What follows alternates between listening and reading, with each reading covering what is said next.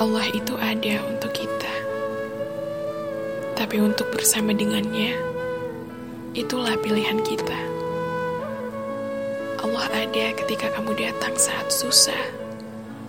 Allah ada ketika kamu datang saat bahagia. Tapi ini akan berbeda ketika ternyata kamu tidak ingin melewatkan sedikit saja cerita tentang dirimu kepadanya.